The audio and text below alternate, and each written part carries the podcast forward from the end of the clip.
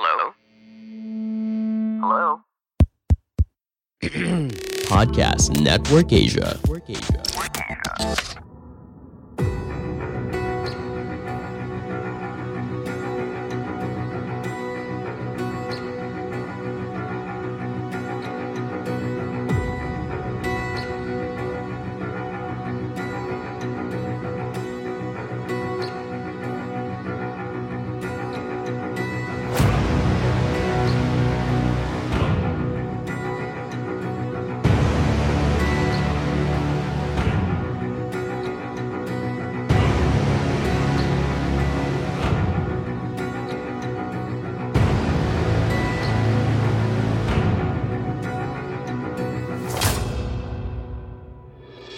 Halo semua pendengar setia mitologi santuy, terima kasih udah dengerin podcast favorit yang semakin lama semakin banyak pendengar ini.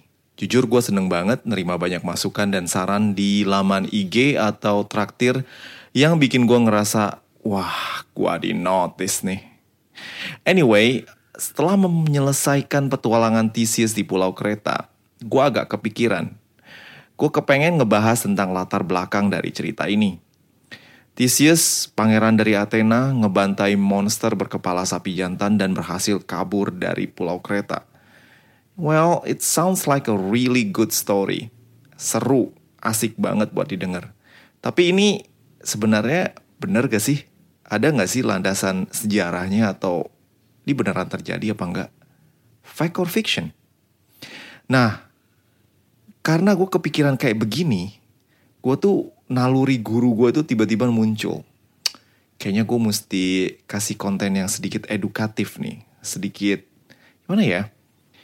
Fun, tapi juga memberikan pendidikan gitu. Eh, jangan kabur dulu, jangan kabur dulu. Kayak murid gue aja lu. Dengerin dulu.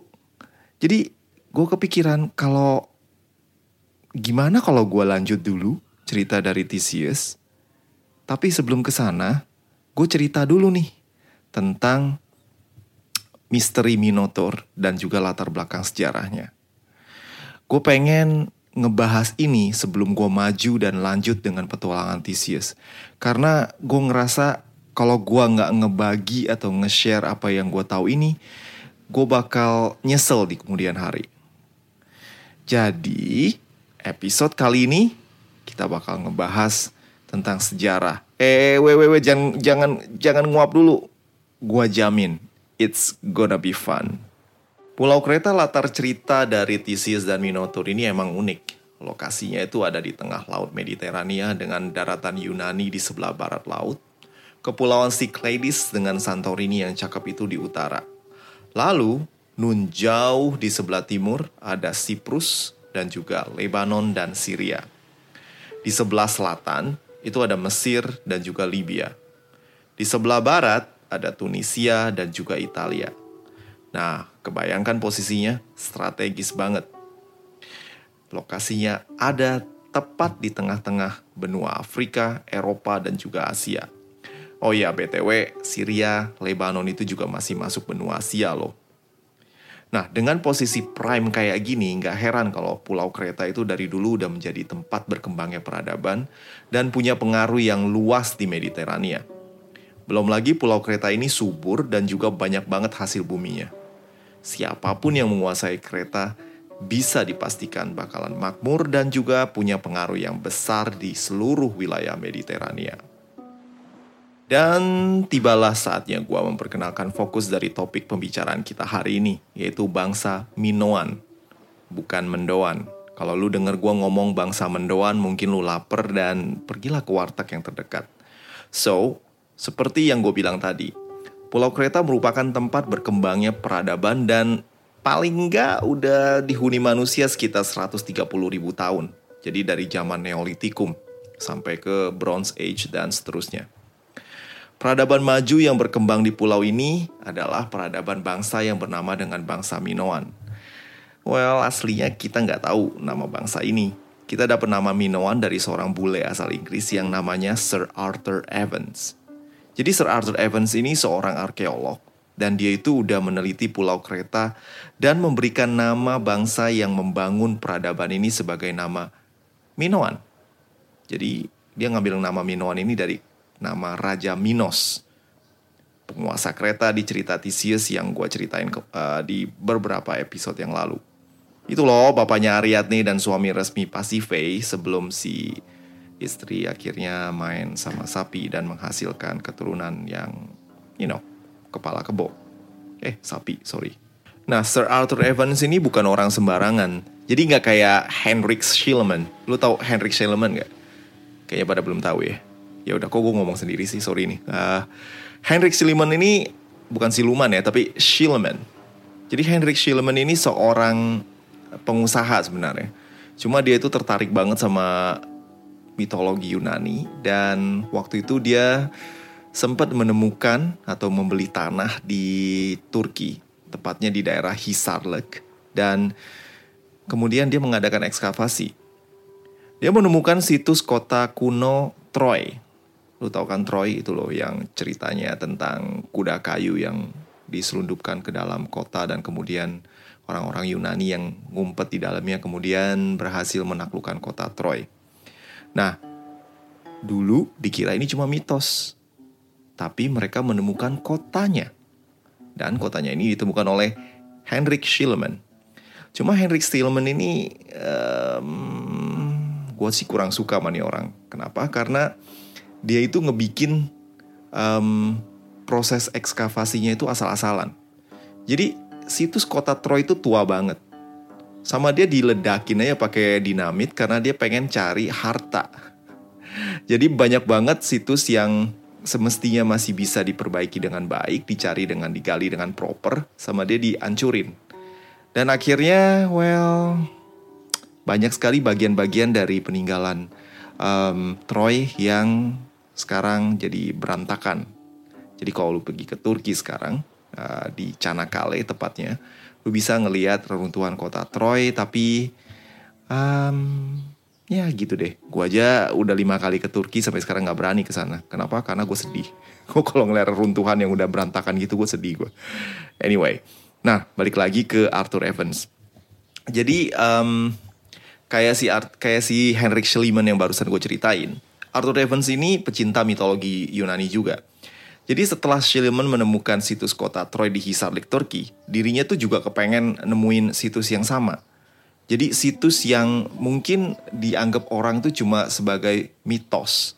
Jadi pengen ngebuktiin ke dunia kalau misalnya situs-situs yang diceritain di mitologi Yunani itu sebenarnya ada. Nah, bedanya dengan Schliemann, Arthur Evans ini arkeolog dan dia tuh bener-bener arkeolog bukan kayak Schliemann yang main ngebom aja dan kemudian berantakin.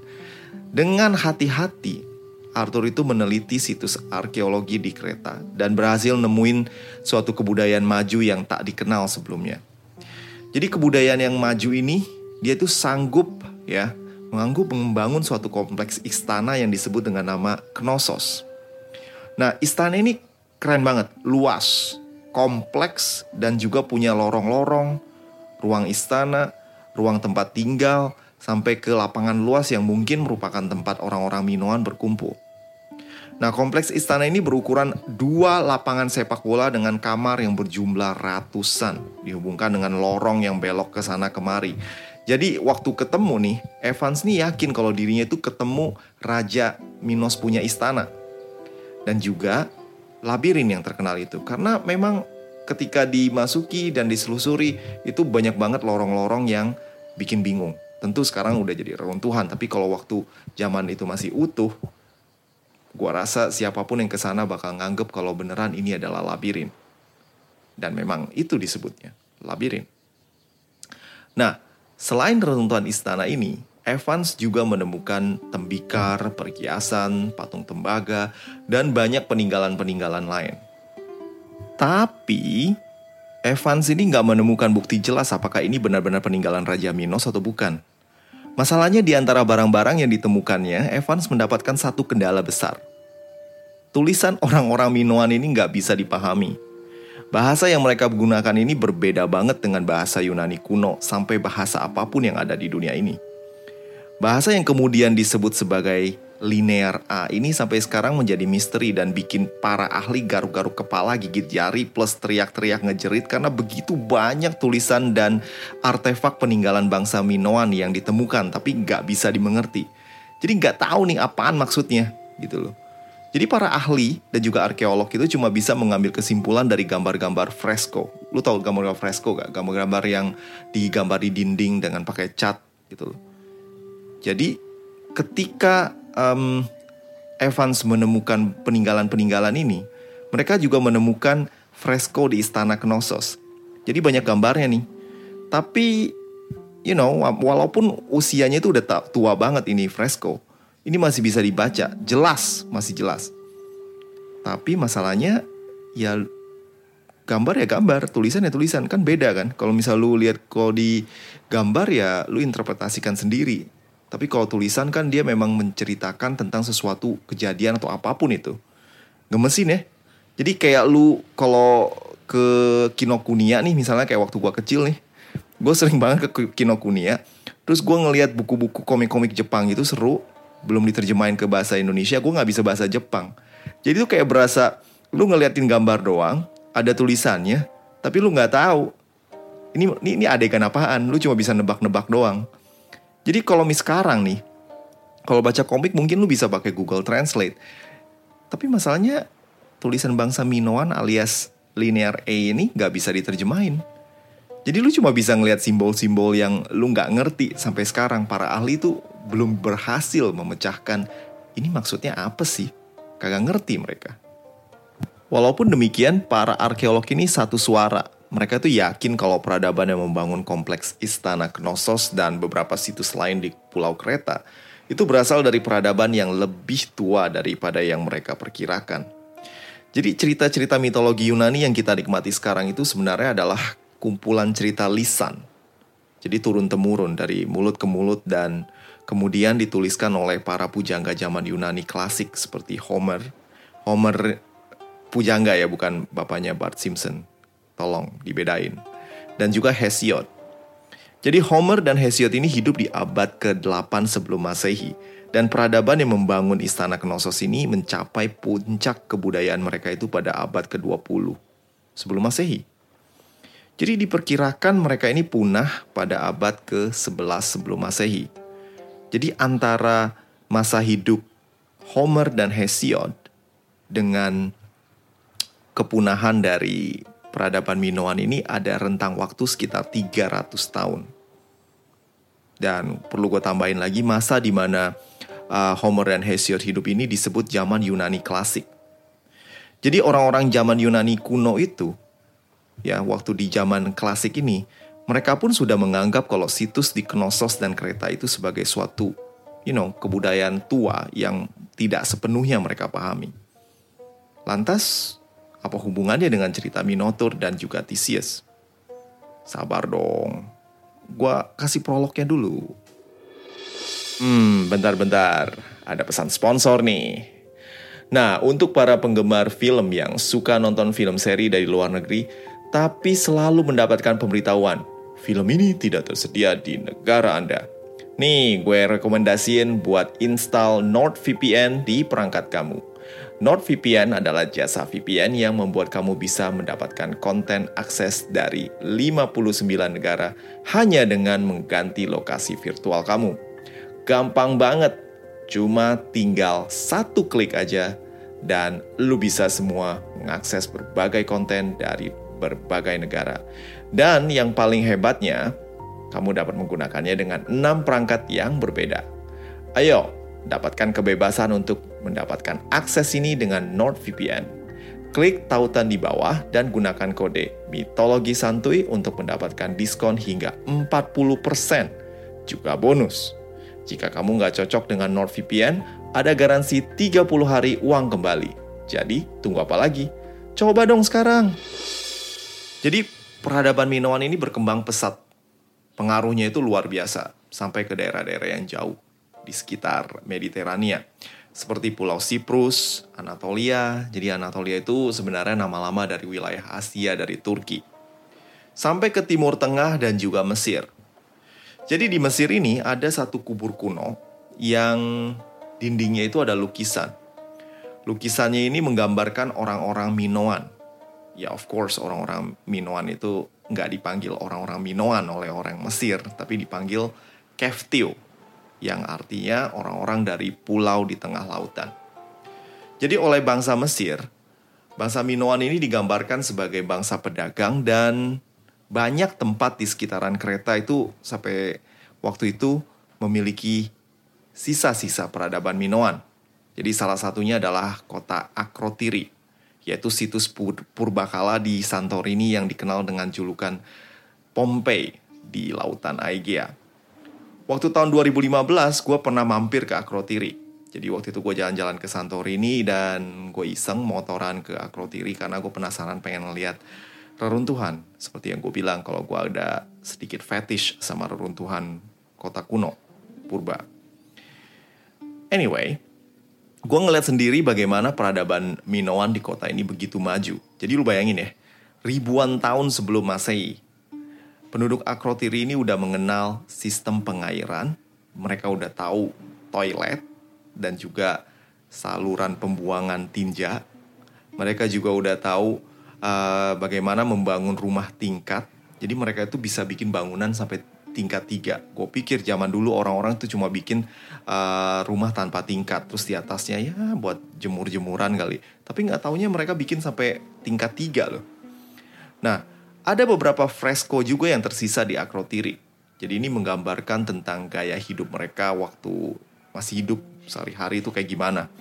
Jadi waktu gue lihat ada juga gambar-gambar ya fresko-fresko tentang orang-orang lagi bawa ikan, terus ada petinju, terus juga ada gambar yang ya bikin kita mikir tuh kalau mereka itu nggak jauh beda sama kita.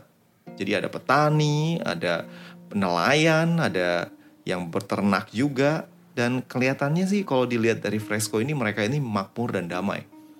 Gak ada gambar-gambar yang menggambarkan kalau mereka itu perang-perangan atau gimana. Santai, kayaknya orang masyarakat chill. Ingat waktu gue cerita soal Atlantis beberapa episode yang lalu? Gue sempat nyebutin kalau Akrotiri itu mungkin adalah kandidat Atlantis sesuai dengan gambaran Plato. Jadi sekitar abad 16 sampai 17 sebelum Masehi, kira-kira segitu, gunung berapi di tengah pulau yang kita kenal dengan nama Santorini sekarang itu memuntahkan isinya. Letusan gunung berapi ini begitu dahsyat sampai menghancurkan peradaban Minoan di Akrotiri dan menguburnya dengan abu vulkanik. Letusan ini juga dicatat di prasasti Mesir kuno dan bangsa Cina Nunjau di sana pun mengalami musim dingin yang tak lazim akibatnya. Karena letaknya yang dekat, peradaban Minoan di Pulau Kreta itu juga terdampak oleh letusan dahsyat ini. Konon gelombang tsunami menyapu Pulau Kreta dan merusak beberapa kota Minoan. Dan para arkeolog juga menemukan abu vulkanik dari Santorini di Pulau Kreta. Kita nggak pernah tahu apa yang terjadi setelahnya, namun tampaknya peradaban Minoan kemudian melemah dan takluk oleh bangsa Mycenae yang berasal dari daratan Yunani. Bangsa Mycenae ini bisa dibilang nenek moyang dari orang-orang Yunani sekarang. Mereka berasal dari semenanjung Peloponnese dan juga tergolong bangsa yang kuat dalam hal berperang. Bangsa Mycenae datang dan kemudian menaklukkan Kreta serta menempati kota-kotanya termasuk Knossos. Jadi bangsa Mycenae ini tampaknya uh, tertarik dengan kebudayaan Minoan.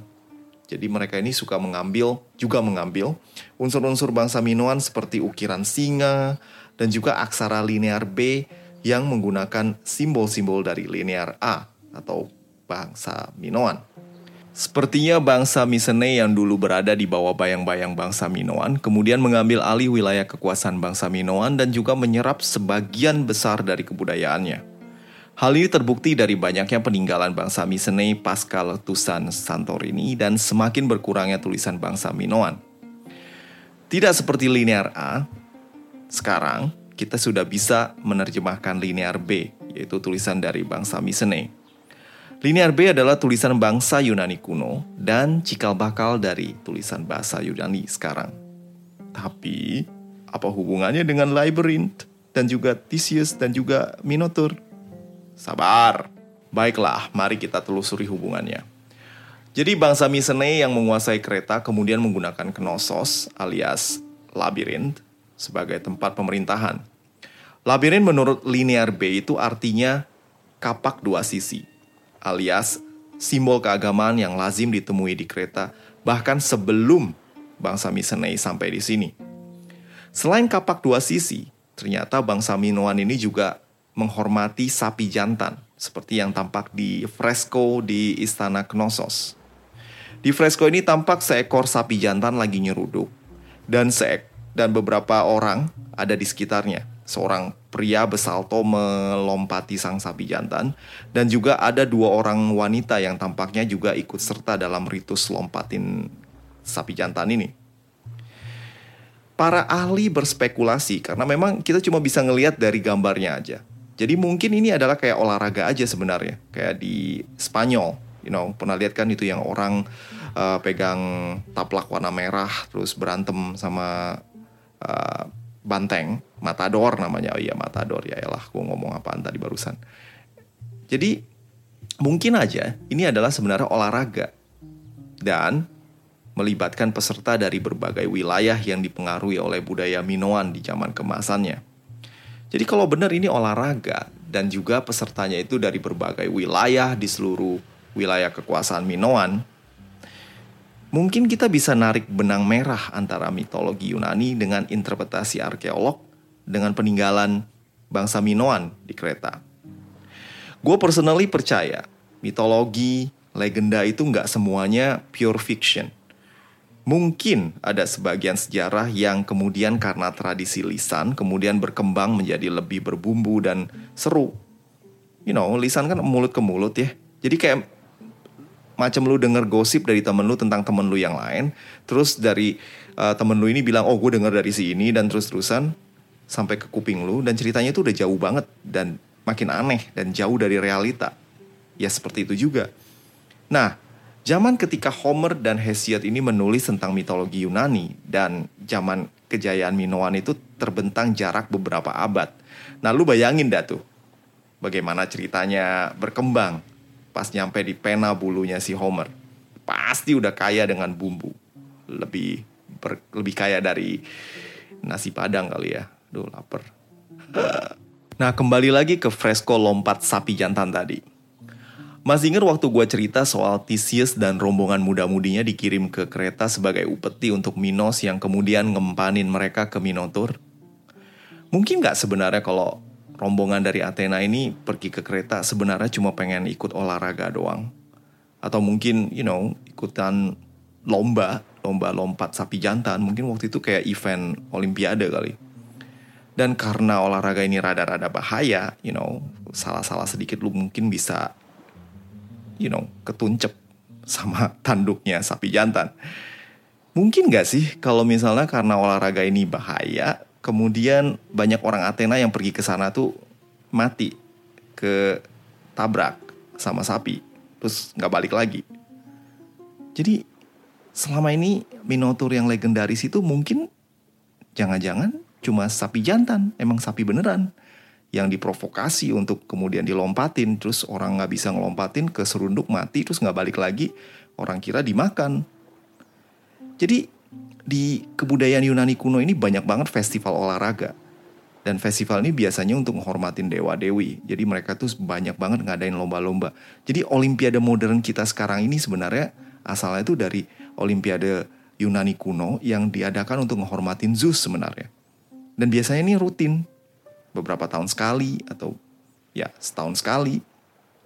Jangan-jangan yang terjadi dulu tentang legenda Minotaur ini sebenarnya adalah legenda tentang Minos minta upeti rutin dari Athena. Ini jangan-jangan sebenarnya cuma festival olahraga rutin tapi orang-orang Athena itu saks banget. Jadi mereka itu banyak yang mati terus nggak balik lagi terus dibikin-bikin lah ceritanya kalau mereka dimakan sama Minotaur. Dan gue mesti nambahin lagi nih ini, ini fakta kalau sebenarnya peradaban Minoan waktu itu, waktu di zaman kemasan itu berkuasa banget dan jaya di lautan.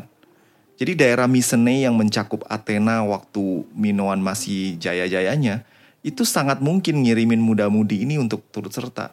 Ya iyalah, kan lu jajahan atau mungkin uh, daerah minor lu pengen pengen banget dapat pengaruh yang you know pengen jadi anak emas dari uh, kebudayaan Minoan misalnya.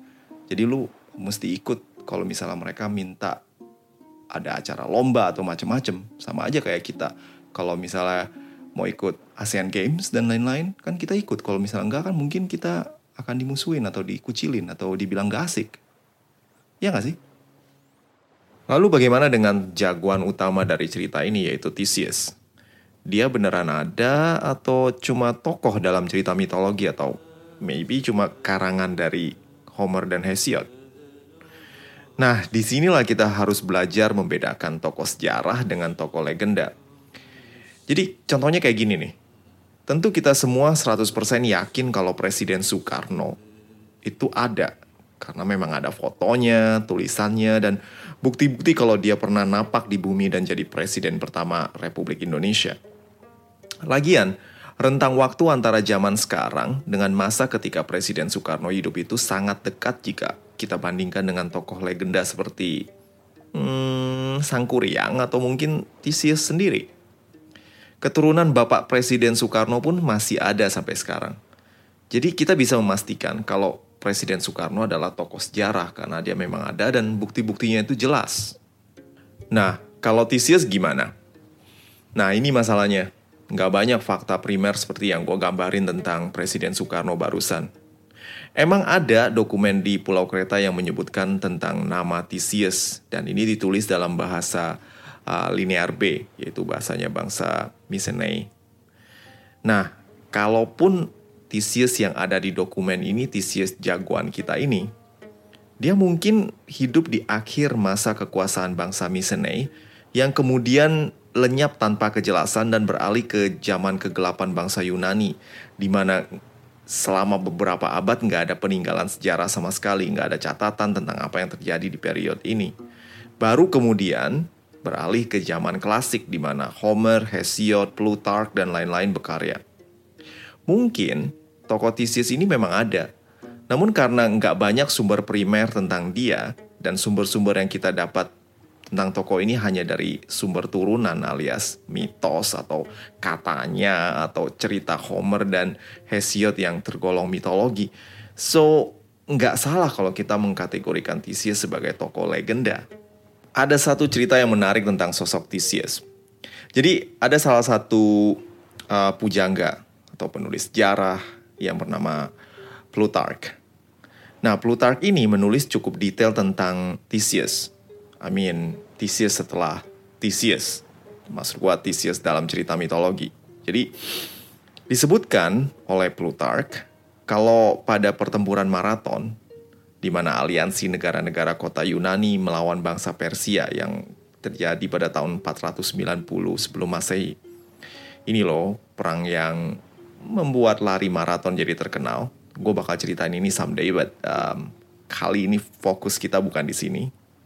Nah, jadi di waktu perang melawan bangsa Persia ini di maraton, prajurit-prajurit Athena ini ketika bertempur habis-habisan ini dia ngeliat ada sosok Theseus ngebantuin mereka. Sosok Theseus ini berantem melawan pasukan Persia dengan begitu sangar dan bikin mereka ini langsung semangat juga untuk berantem dan akhirnya menang melawan bangsa Persia.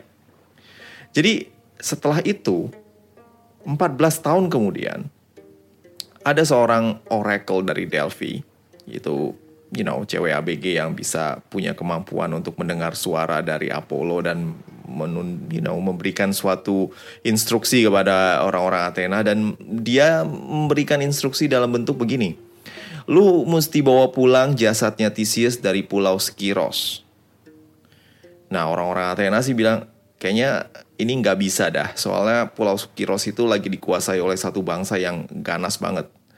Tapi ada satu jenderal, jenderal Yunani yang namanya Cimon. Gue tau namanya lucu banget tapi beneran namanya Cimon. Jangan ketawa dulu ya. Pokoknya dengerin aja namanya dulu namanya Cimon.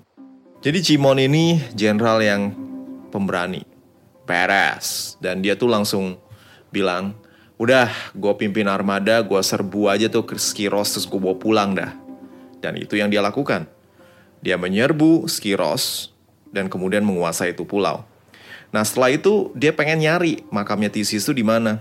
Nah masalahnya nggak ada yang tahu. Yang mereka tahu itu Theseus meninggal di Pulau Skiros dan habis itu udah. Ketika mencari-cari, seekor elang, you know, burung, burung elang, tiba-tiba nukik ke satu tempat dan kemudian menggali-gali tanah pakai cakar dan paruhnya. Nah, Cimon ngeliat ini burung, ini burung ngapain sih kok ngegali-gali segala?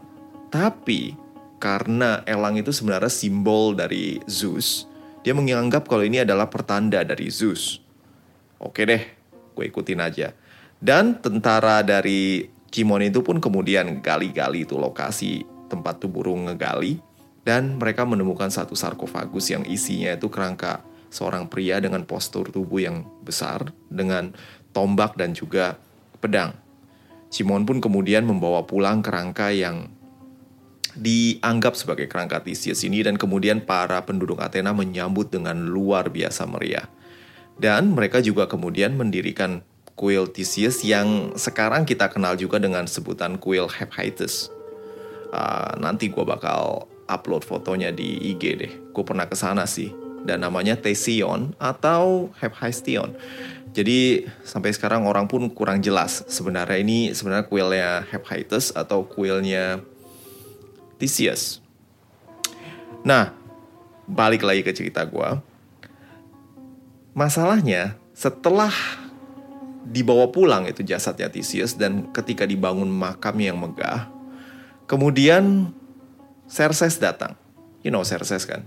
Xerxes itu raja Persia yang jadi penjahat di film 300 yang kalau digambarin kagak rada-rada bencong gitu. Tapi kalau di dunia nyata sih nggak kayak gitu sebenarnya. Gue personally gak gitu suka film 300 kalau dilihat dari sisi sejarah tapi kalau lihat dari film aksi ya boleh lah. Tapi kalau lihat dari you know sejarah itu melenceng banget. Anyway so Xerxes nyerang dan setelah uh, ngebubarin pasukannya Leonidas di Thermopylae dia tuh langsung maju terus sampai ke Athena dan juga ngebakar semua bangunan di sana. Hancur total. Bahkan berbagai kuil yang ada di sana dan kuil Parthenon pun dibakar. Nah, ketika hancur, terbakar dan lain-lain, mungkin juga makam Theseus juga salah satu dari bangunan yang hancur ini. Nah, berbagai cerita tentang Theseus sampai akhirnya mayatnya tidak tahu ada di mana sekarang. Ini benar-benar meneguhkan tentang sosok Theseus yang nggak tahu dia nyata atau enggak. Tapi cerita kepahlawanan itu benar-benar menginspirasi bangsa Yunani sampai sekarang. Jadi kisahnya itu terus diceritakan turun-temurun dan sosoknya dibuat menjadi patung dan cerita kepahlawannya itu menghiasi kuil di berbagai tempat ya. Di Hephaest, di kuil Hephaestion atau kuil Tisian itu juga ada tentang um, penggambaran petualangan Theseus melawan bangsa Minotaur yang bakal gua bukan Minotaur sorry uh, Centaur. Gue bakal jelasin tentang ini juga nanti. Jadi kesimpulannya, real person or not, I think Theseus is a source of inspiration for the Greeks and probably the Western world or probably the world. Sebelum gue akhiri celotehan sejarah gue kali ini, gue pengen menyapa Ira yang udah traktir gue di laman traktir mitologi santuy. Ira bilang minta episode lanjutannya di request express dong. Tenang aja, episode minggu depan Thesis akan kembali dengan petualangannya yang lebih seru tentunya. Buat teman-teman yang kepengen memberikan kontribusi di podcast ini, silahkan klik di laman Traktir Mitologi Santuy. Gue bakal terima kasih banget buat setiap traktiran yang kalian berikan. Ah, puas gue udah ngoceh panjang lebar soal ini. Bisa tidur gue abis ini. Beneran deh. Soalnya gue kalau abis ngebaca sesuatu dan gue gak sharing tuh, gue bener-bener ngerasa kayak ada yang kurang. Makanya podcast ini tercipta karena memang gue orangnya tuh suka sharing. Jadi terima kasih ya buat dengerin cerita-cerita gue dan juga uh, sharing-sharing gue di podcast ini. Dan gue janji minggu depan cerita petualangan Theseus bakal gue lanjutin. So, I think that's all. See you. Ciao. Pandangan dan opini yang disampaikan oleh kreator podcast, host, dan tamu tidak mencerminkan kebijakan resmi dan bagian dari podcast Network Asia. Setiap konten yang disampaikan mereka di dalam podcast adalah opini mereka sendiri dan tidak bermaksud untuk merugikan agama, grup etnik, perkumpulan, organisasi, perusahaan, perorangan, atau siapa pun dan apa pun.